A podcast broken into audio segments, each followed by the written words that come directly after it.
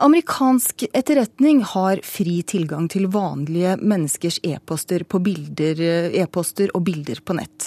Det er eh, avisene Washington Post og The Guardian som skriver at Facebook, Google og sju andre nettselskaper gir myndighetene fullt innsyn i brukernes innhold. Nettselskapene de benekter anklagene. Like this. And here I have like I have the application and then I can like. Selv om hun er langt hjemmefra, er vennene bare noe tastetrykk unna. Facebook mostly. I'm from Estonia, so I think it's the most popular one there. Men flere av de amerikanske nettgigantene vi bruker for å kommunisere, rammes nå av ei lei overvåkingsskandale.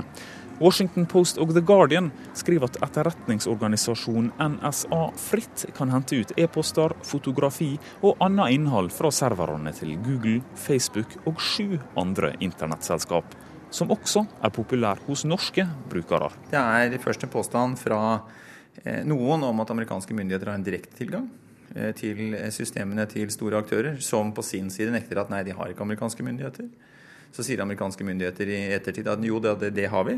Flere av selskapene nekter for at de med viten og vilje deler privat innhold gjennom etterretningsprogrammet PRISM, som det heter. Kim Ellertsen, som leder juridisk avdeling i Datatilsynet, prøver nå å finne ut hvordan de motstridende opplysningene skal tolkes. Og, og, Vi sitter litt her og lurer på hva er det som egentlig er, er, sannheten bak dette. Microsoft, Google og Facebook har alle uttalt at de bare gir myndighetene tilgang til brukerdata når lova forplikter dem til det. Og de nekter plent på at etterretningsagenter fritt kan hente ut det de sjøl vil. Og, og, det er en stor forskjell eh, med tanke på hvis, det, hvis, man må be om noe, så har man nok en, nok en, institusjon som regulerer om vilkårene er oppfylt. Hvis man har tilgang selv, så kan man jo, da må man garantere selv og ha tillit til at man fyller de vilkårene på egen hånd, men man mangler altså ett kontrollpunkt i forhold til om man ber. Jeg er jo på Facebook hver dag. Jeg er jo det. Jeg vil jo dit. Jeg skjønner jo at det liksom ikke er sånn veldig populært for alle da, at, skal, at noen driver og snoker i sakene dine, men Nei, jeg vet ikke. I'm not sure it's good. I think it's my privacy, and they're a bit like interrupting it. Sjefen for innenriksetterretning i USA har nå lagt ut et brev på nettet der han skriver at etterretningsprogrammet både er viktig og også helt lovlig. Men han skriver òg at lovverket ikke tillater at de henter ut informasjon om amerikanere eller andre som har oppholdt seg i USA. Lova er retta mot utlendinger, og i denne sammenhengen omfatter det også norske nettbrukere. Man må være klar over at det er andre regelsett enn de norske som regulerer dette, og at norsk jurisdiksjon ikke beskytter norske forbrukere hele veien. Det er ganske ille. Jeg syns det er fælt. Du, hvis du vil si noe personlig og sånn, så, og de kan høre det og, og bruke det mot deg og sånn, da syns jeg det er ganske ille. Og det var reporter Sondre Bjørdal som hadde snakket med Datatilsynet og spurt folk i Oslo hva de syns om eh, overvåkingssaken i eh, USA. Og USA-korrespondent eh, Jon Gelius, hvordan blir denne overvåkingsnyheten mottatt i USA? Ja, Dette er blitt den dominerende nyhetssaken her i amerikanske medier på formiddagen. Eh, TV-kanalen CNN eh, omtaler det som om USA spionerer på amerikanere, mens avisen The New York Times på lederplass under overskriften 'Obamas slepenot' slår nådeløst fast at Obama har mistet all troverdighet i etterretnings- og overvåkingsspørsmål.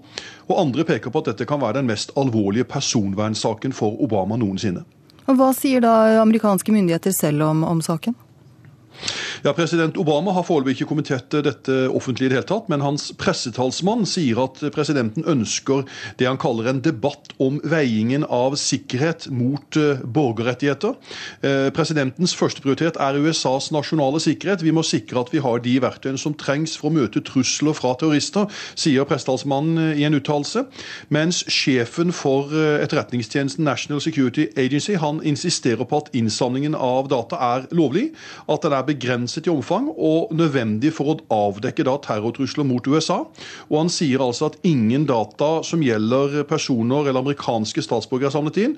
Og dette handler om folk som da ikke oppholder seg i USA.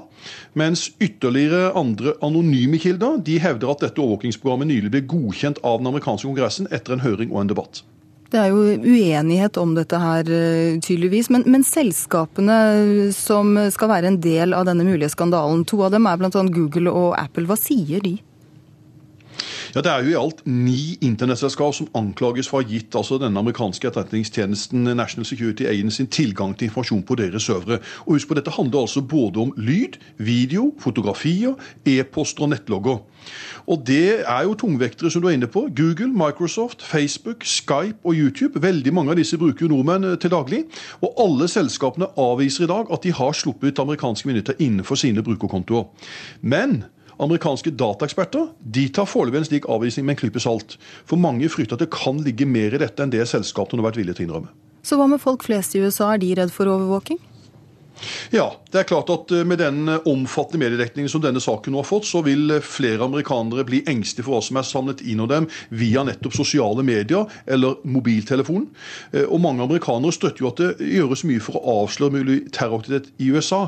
Men personvernet deres står fjellstøtt, og det er klart at det er det folk nå lurer på.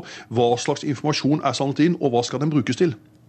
Men senere i dag så møter USAs president Kinas eh, president på den eh, amerikanske vestkysten. Og Kina det er jo et land som er kjent for overvåking. Hvordan blir dette møtet for Obama nå når denne mulige overvåkingsskandalen eh, ligger der og vaker? Jeg tror jeg må kunne si at det må være lite gunstig tidspunkt for Obama at den avsløringen kommer bare noen timer før han skal møte Kinas eh, president, og der han etter planen skulle ta opp nettopp datasikkerhet, hacking og trusler i cyberspace. Eh, så dersom denne overvåkningen blir bekreftet fullt ut nå de nærmere timene, så er det mange som mener at den selvfølgelig bryter med grunnleggende menneskerettigheter som personvernet. Eh, og det er klart det vil kunne kaste en mørk skygge inn i det toppmøtet som starter Eh, rundt midnatt norsk tid. Og som en analytiker sier det, det vi nå ser, hvis det blir bekreftet, er at amerikanerne oppfører seg mer som kineserne enn det kineserne gjør selv. Da får vi si takk til deg, USA-korrespondent Jon Gelius.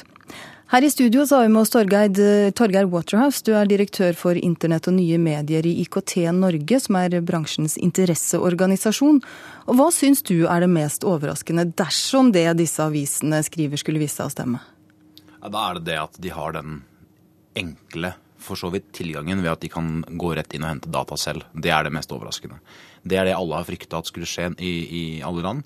Eh, det er en, en, tilnærming som er helt uakseptabel, sånn som vi ser på det.